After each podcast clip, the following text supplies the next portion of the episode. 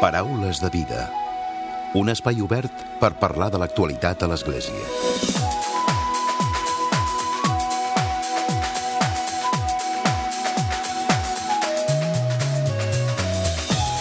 Què tal? Salutacions i molt bon dia, molt bon diumenge. Avui el nostre convidat és en Juanjo Fernández. Segur que el coneixen perquè col·labora, per exemple, i de manera habitual en aquesta casa en diferents espais de Catalunya Ràdio, com el Pop-Up, també al Revolució 4.0 o també a l'Ara Criatures del diari Ara.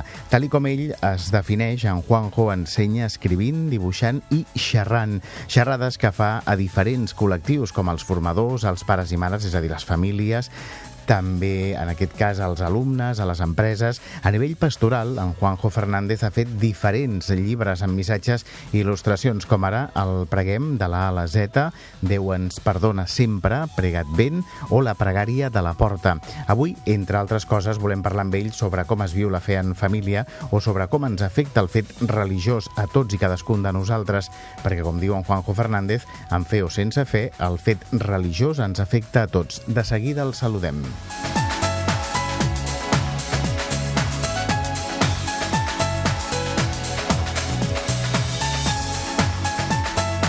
I com sempre, a la recta final del Paraules arribarà un nou comentari de l'actualitat de Francesc Romeu. Comencem.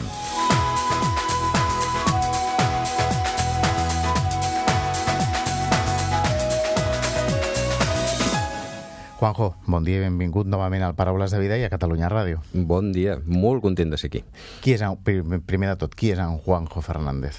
Doncs, a veure, sóc una persona que acostumo a dir que vaig néixer al segle passat, però em conservo raonablement bé i que vaig estudiar una carrera que ja no existeix, però que em va servir, per, com a mínim, per poder llegir l'Astèrix en versió original i entendre la major part de jocs de paraules i per poder fer de professor que, que ha estat de, doncs, la meva vocació de, de sempre i que m'ha donat moltíssimes satisfaccions i la possibilitat després de traslladar-ho a aquests àmbits de, de, de l'escriure, del dibuixar i del xerrar. Uh -huh.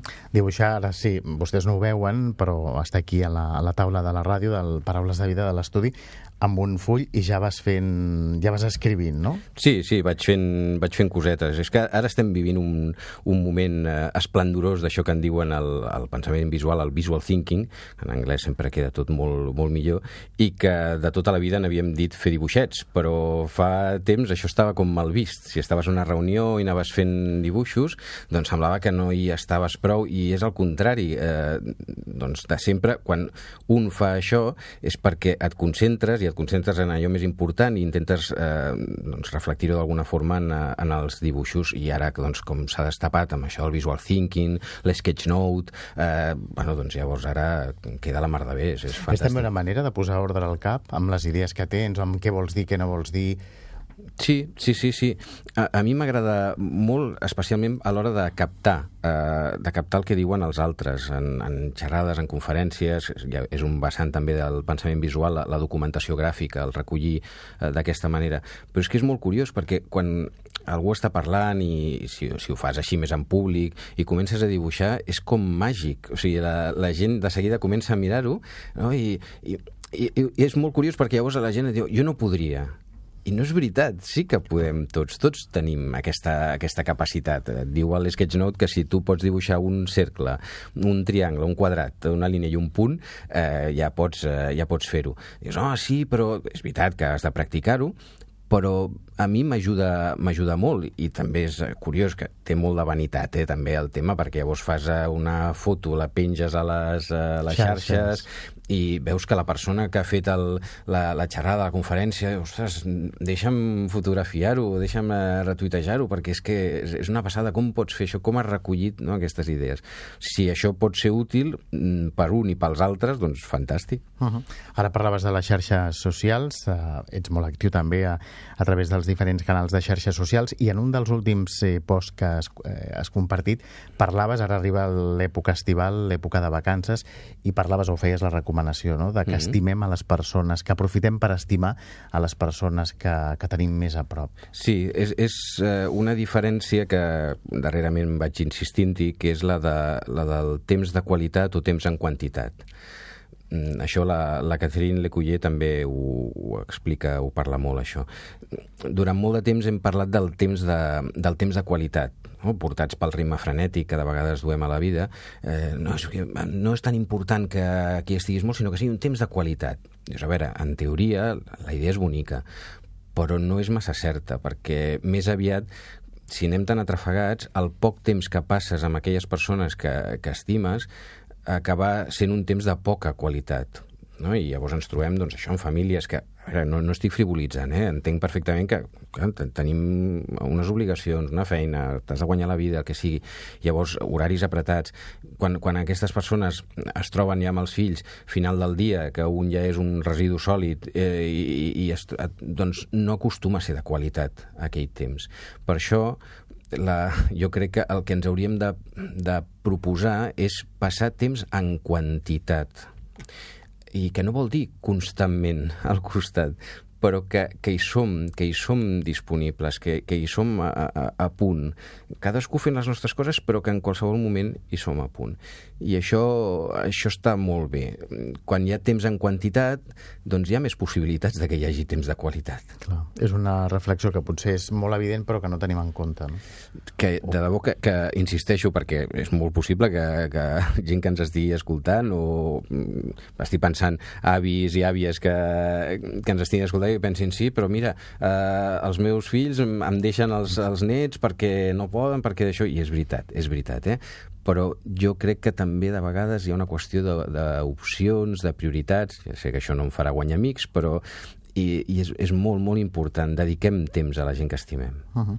Ho dèiem abans a la portada, no? Una de les teves reflexions del fet religiós, que dius, mm encara que, que tinguem fe o no, és una cosa que ens afecta a tots. Ens afecta a tots, ens afecta a tots en, en, en l'aspecte més cultural eh, ens afecta doncs això, en, en, al nostre voltant, en la llengua, eh, en la llengua que utilitzem, hi ha un munt d'expressions que tenen referents bíblics.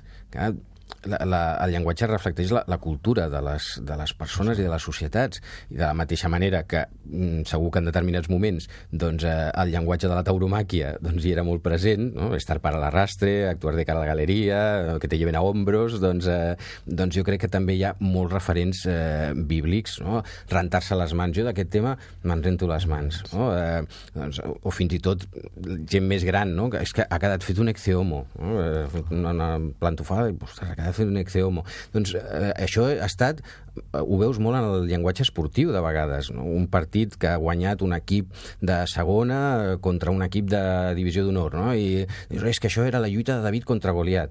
Doncs tot això, eh, quan coneixes el referent, mm, és més ric, la teva vida és més rica per això val, val la pena. Pots mirar els quadres d'una altra manera, pots mirar un episodi del Simpson d'una altra manera, pots mirar la pel·lícula Como Dios amb el Jim Carrey, que, que Déu, en la forma de Morgan Freeman, li dona poders de Déu, eh, i llavors el Jim Carrey se'n va a una cafeteria, demana una sopa de tomàquet, i, i com encara no està segur de si té poders o no, es posa davant la sopa de tomàquet, i llavors es posa allò en plan, en plan místic, i obre la sopa de tomàquet en dos no? que si, eh, i, bueno, ja vent per allà i tot, si no coneixes el referent de, de la mateixa manera que Moisès obre les aigües del Mar Roig, el Jim Carrey està obrint les aigües de la sopa de tomàquet, que és de color vermell, doncs si no tens aquest referent, la seqüència et pot fer més o menys gràcia en funció de si t'agrada més o menys en Jim Carrey, però no és el mateix. No és el mateix que, que si tens el referent i dius, ah, clar, clar, és això. No? Per això jo crec que el fet religiós és fonamental de la mateixa manera que, que és fonamental que coneguem idiomes no? perquè ens enriqueix, ens ajuda a comunicar-nos. Que tinguem que cultura religiosa, jo em sembla que, que és, és essencial. Uh -huh.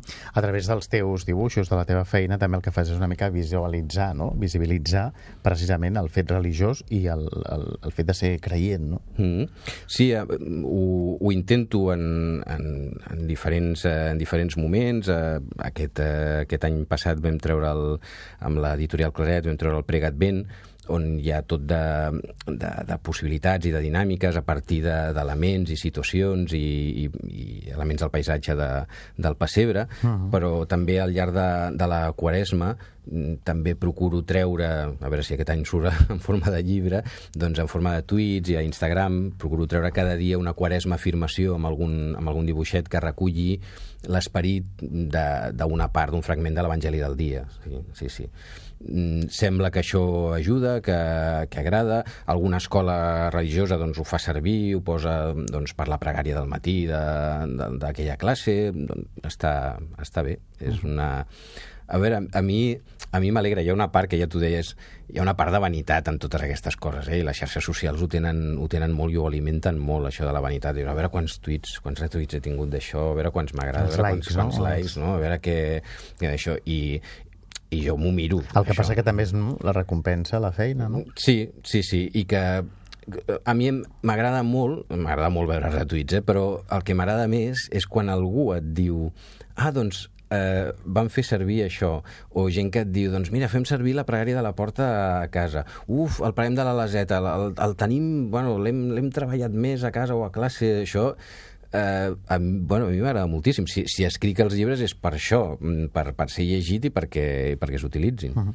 T'adreça sobretot també a les famílies no? i al, al fet de com també viuen les famílies no? la, la fe. Sí, Sí, sí, perquè de fet el, el, el primer llibre pròpiament que, que va sortir el, el 2006-2007, La pregària de la porta, és una experiència de pregària familiar nostra, quan els nostres fills eren petits, i, i abans de sortir al matí de casa, doncs fèiem, puja, posàvem una pregària a la porta de casa, per, per dins, tampoc es tracta de, de, de lliçonar el replà, eh, i llavors la posàvem i fèiem la pregària abans de, res, són 3-5 minutets abans de sortir de casa, i ja surts de casa d'una altra manera, ja acompanyat de, de la mà de Déu. I, i bueno, en vam fer moltes fins a, pues això, des de que els eh, fills tenien 3, de 3 a 5 anys fins, als, fins a 6è, perquè llavors eh, comença l'etapa de l'adolescència, que facis el que facis, eh, per molt xulo que sigui, no és mai xulo, eh, perquè només perquè ho has fet tu, que ets el papa el o la mare, no? Mm. I llavors has de deixar... Jo, amb la meva dona sempre diem Mira, ja, ja hem sembrat llavors... Eh, Donaran fruit. I ja, escolta'm, a partir d'ara que bufi l'esperit, que per això li paguem. No? ja, que, que, vagin, que vagin fent. Però és molt curiós, això els, els fills ho tenen molt, eh? Que alguna vegada, doncs ara que ja són, són grans, ja tenen 24 i 21, eh, alguna vegada miren això un llibre o que estic preparant alguna xerrada i recordo una vegada el, el Joan que em diu ostres, és veritat que quan, quan érem petits ho fèiem molt, això. Com, és que ho vam deixar de fer? I jo pensava, seràs mamon amb, amb la que em liaves en aquell moment. Però, ah. bueno, és això eh, has de, has de posar-hi llavors, has de, eh, has de tenir aquests, eh, aquests moments. La, la meva dona és enginyera agrònoma i hi ha una cosa en, en els fruiters que se'n diuen les hores fred. Eh, a l'hivern els, els fruiters han de passar un, un temps de, de fred perquè si no després no sortirà la fruita quan arribi la primavera, l'estiu Eh, llavors jo crec que la, les famílies també han de passar unes eh, hores família. Ha d'haver-hi aquest temps de, en quantitat que dèiem, no? que moltes vegades potser no li dones importància, però que si no hi ha aquell temps, després no hi ha fruit. Clar. Uh -huh.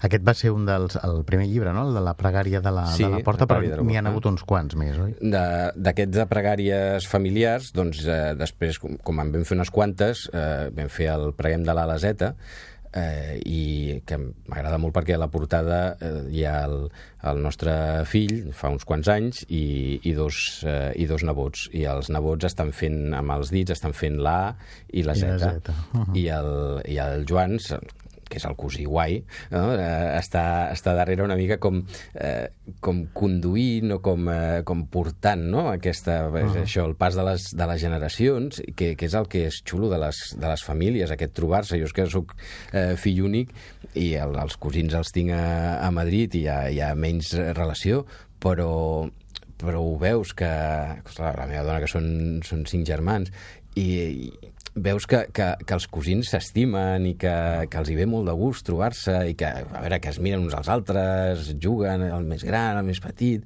i això és, eh, bueno, és la, la vida familiar i, i la fe també doncs, es transmet en aquesta vida familiar. Uh -huh. I de fet, en Juanjo, tampoc pares, no? Com deies, fas xerrades a diferents col·lectius, ja siguin famílies, ja siguin mestres, no? Formadors... Sí, sí, sí. Jo sempre dic que ha un, un em conviden, jo hi vaig, no, no, tinc, eh, no, no tinc manies amb, amb això. Sí, sí, sí, famílies, escoles, de vegades dins de l'àmbit empresarial, també.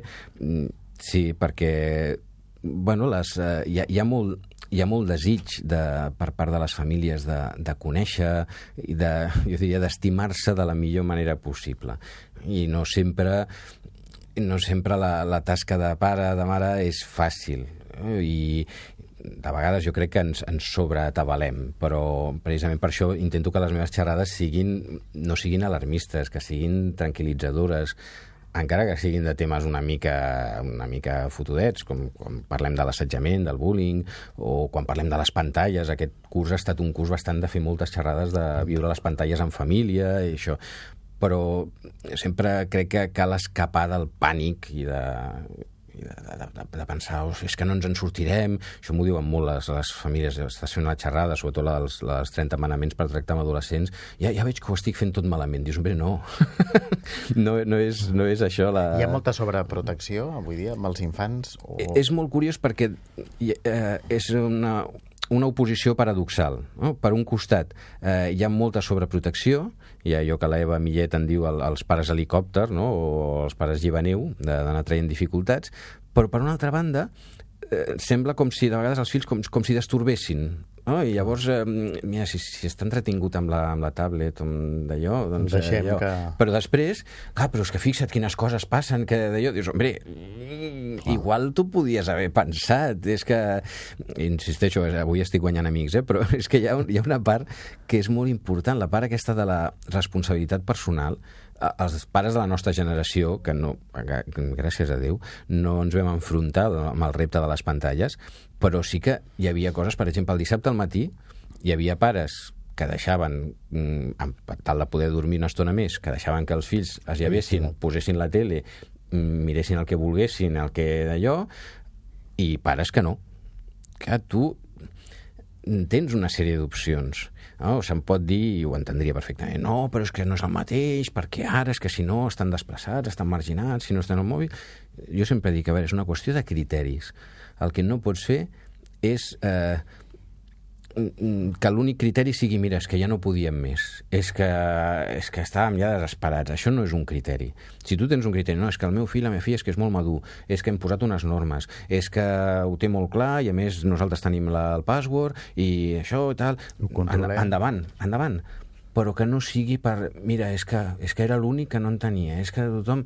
Això no és, això no és tenir criteris. Més que estar molt molt informat i molt preparat. Jo crec que per ser família, per ser pares, mares, cal tenir criteris i llavors per funcionar més no com un panell, sinó com una brúixola.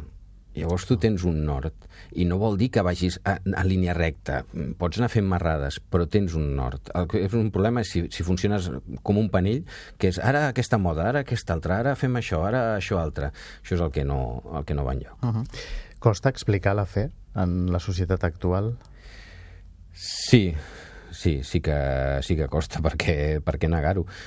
Costa molt, vivim en temps, a més a més, doncs, això, de xarxes socials, d'escàndols, de, de, de delictes, de situacions tremendes que no tenen cap mena de, de justificació i que fan molt mal quan, eh, quan intentes doncs, eh, quan intentes parlar de la bona nova, quan intentes parlar de la paraula de Déu.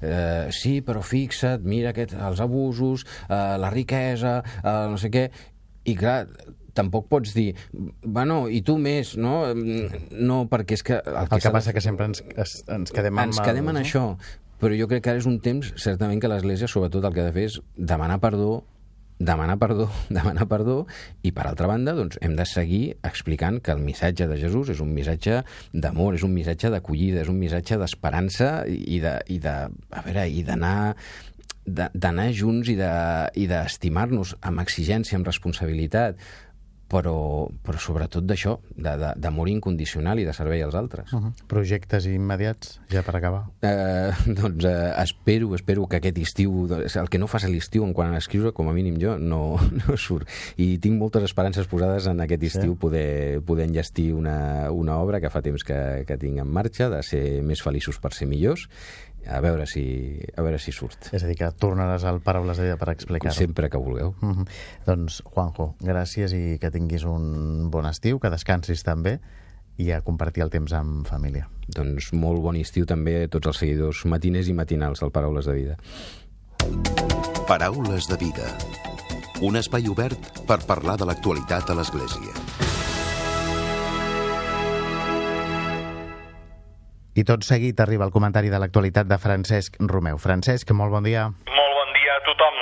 Després de sentir el Juanjo parlant de nens, continuem parlant de nens perquè aquesta setmana ens hem assabentat pel diari El Periódico que l'església de Santana, al centre de Barcelona, al costat mateix de la plaça Catalunya, i des de fa dos hiverns que funciona com un autèntic hospital de campanya pels pobres que dormen i malviuen al carrer, s'ha convertit en un refugi pels menors estrangers que també malviuen al carrer.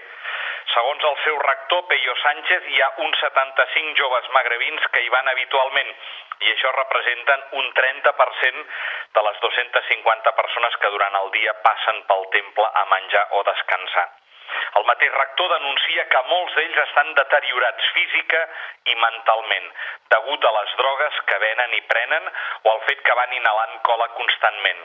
Aquests menors viuen al carrer perquè s'han escapat dels seus respectius centres d'acollida o bé perquè ja han complert els 18 anys i n'han estat expulsats. Una altra denúncia que fa el mossèn és constatar el fracàs absolut dels serveis socials que això representa i preveu el futur que els hi espera aquests menors, que es veuran abocats a les grans màfies dels lladres, de la drogadicció i de la prostitució. Una de les respostes més ràpides a aquesta notícia preocupant dels menors estrangers que malviuen pels carrers de Barcelona ha estat la del síndic de Greuges de Catalunya. Amb la seva autoritat moral i administrativa s'ha adreçat a la Direcció General d'Atenció a la Infància i l'Adolescència, la de Gaia, i a l'Ajuntament de Barcelona per tal de reclamar-los-hi la seva actuació immediata per abordar la situació dels infants migrants sols que dormen en esglésies i carrers de Barcelona i atendre les seves necessitats el més aviat possible. Pel ple respecte dels principis i drets que recull la Convenció sobre els drets de l'infant, el síndic insta les administracions públiques a extremar de manera immediata els esforços de coordinació i actuació interadministrativa per portar a terme una acció precisa davant de la situació individual i les condicions de vulnerabilitat particulars de cada infant, de manera que en cada cas es busqui el recurs que sigui més adequat per la cobertura de les seves necessitats. Pel que fa a l'atenció dels infants que dormen al carrer, el síndic demana que els equips tècnics pertinents duguin a terme els plans individualitzats d'atenció i que s'activin les mesures immediates que responguin a l'interès superior de cadascun d'ells, tant en l'àmbit de la protecció en centres o l'acolliment en famílies extenses que puguin tenir o famílies alienes que es puguin formar, com en l'atenció en pisos assistits si són ja majors d'edats i també en l'àmbit dels itineraris formatius i de la transmissió de la documentació.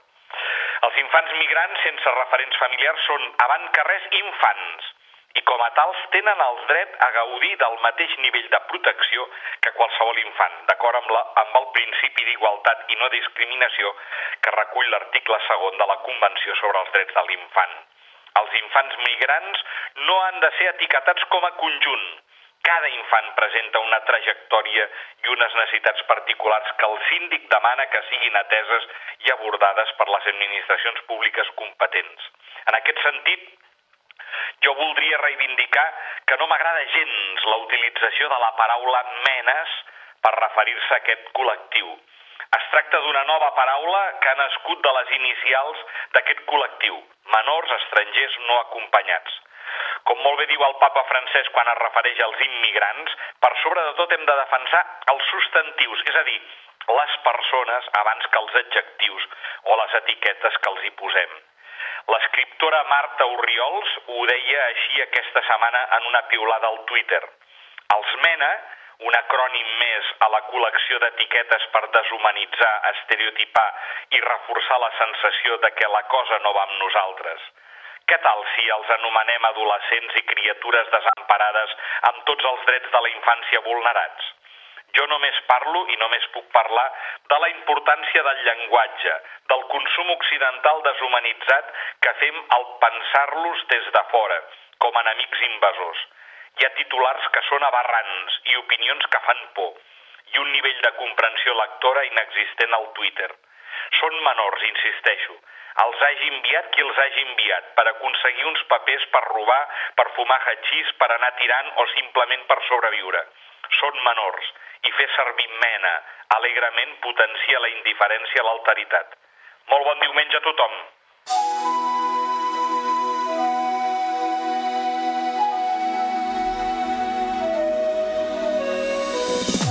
Fins aquí el Paraules de Vida d'aquest diumenge d'aquesta setmana. L'Enric Vidal ha estat al control tècnic i qui us ha parlat, l'Emili Pacheco. Que passeu bon diumenge i una molt bona setmana. Us oferim la carta dominical de l'arcabisbe de Barcelona, Joan Josep Omella.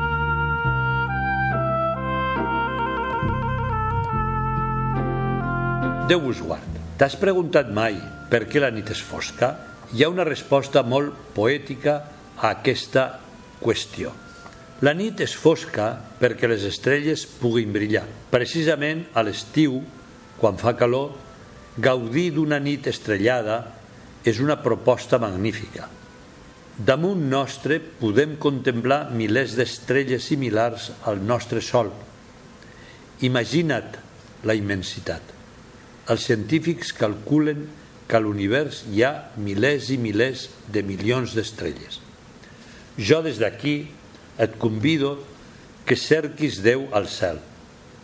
Si mires el firmament amb atenció, sentiràs la seva magnitud, sentiràs la grandesa de la creació, podràs endinsar-te en aquest immens univers. Com ens estima Déu per haver creat l'univers així.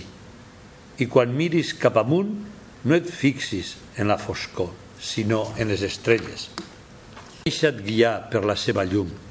Mira'm els ulls, però sobretot amb el cor. Cerca la bellesa del firmament. Si la nit es torna fosca, no et preocupis. És el moment de confiar, de creure. Les estrelles es veuen, però sobretot se senten a l'ànima. Recorda que després de la tempesta sempre ve la calma. Tant de bo que escoltant el silenci pugui sentir com ell et murmura que t'estima. Tant de bo que calculant les distàncies de l'univers descobreixis la grandesa de la vida. T'adonaràs que les estrelles assenyalen Déu i que Déu, a la vegada, ens ha convertit en les seves estrelles. Som rutilants punts de llum destinats a brillar com a pares, com a fills, com a germans, com a amics i, sobretot, com a cristians. L'única diferència entre tu i una estrella és que tu brilles a terra i l'estrella brilla allà dalt. Pot ser des de baix, en la foscor, la nostra brillantor individual et sembla insignificant, una vella lliçó d'humilitat per a tots. Però si sumem cada un d'aquests milers i milions de punts diminuts de llum, podrem imaginar com deu ser el firmament i la seva immensitat. Que meravellós devia ser el moment reflectit en el llibre del Gènesi en què Déu es va dirigir a Abraham que no podia tenir descendència i li va mostrar les estrelles del firmament tot dient-li mira, mira el cel i compta les estrelles si és que les pots comptar i va afegir doncs així serà la teva descendència i aquesta immensa descendència que ha arribat fins als nostres dies ha confirmat que Déu compleix les seves promeses. De la mateixa manera que van fer els tres reis d'Orient, cal que seguim sempre l'estrella que ens guia cap a Déu. El papa Francesc ens diu aquesta llum veritable és la llum del Senyor. Seguint-la tindrem alegria. Benvolguts germans, contemplar les estrelles ens ajuda a sentir l'amor infinit de Déu, però també ens ajuda a endissar-nos en el més profund del nostre cor. És un viatge per connectar amb l'ànima, és pregar, és impregnar-se de la fe, és meditar, és deixar-se acariciar per la bondat, és transcendir, és confiar, és descobrir que en una nit d'estiu el somni d'apropar-nos més a Déu pot fer-se realitat. Us hem ofert la carta dominical de l'arcabisbe de Barcelona, Joan Josep Omella.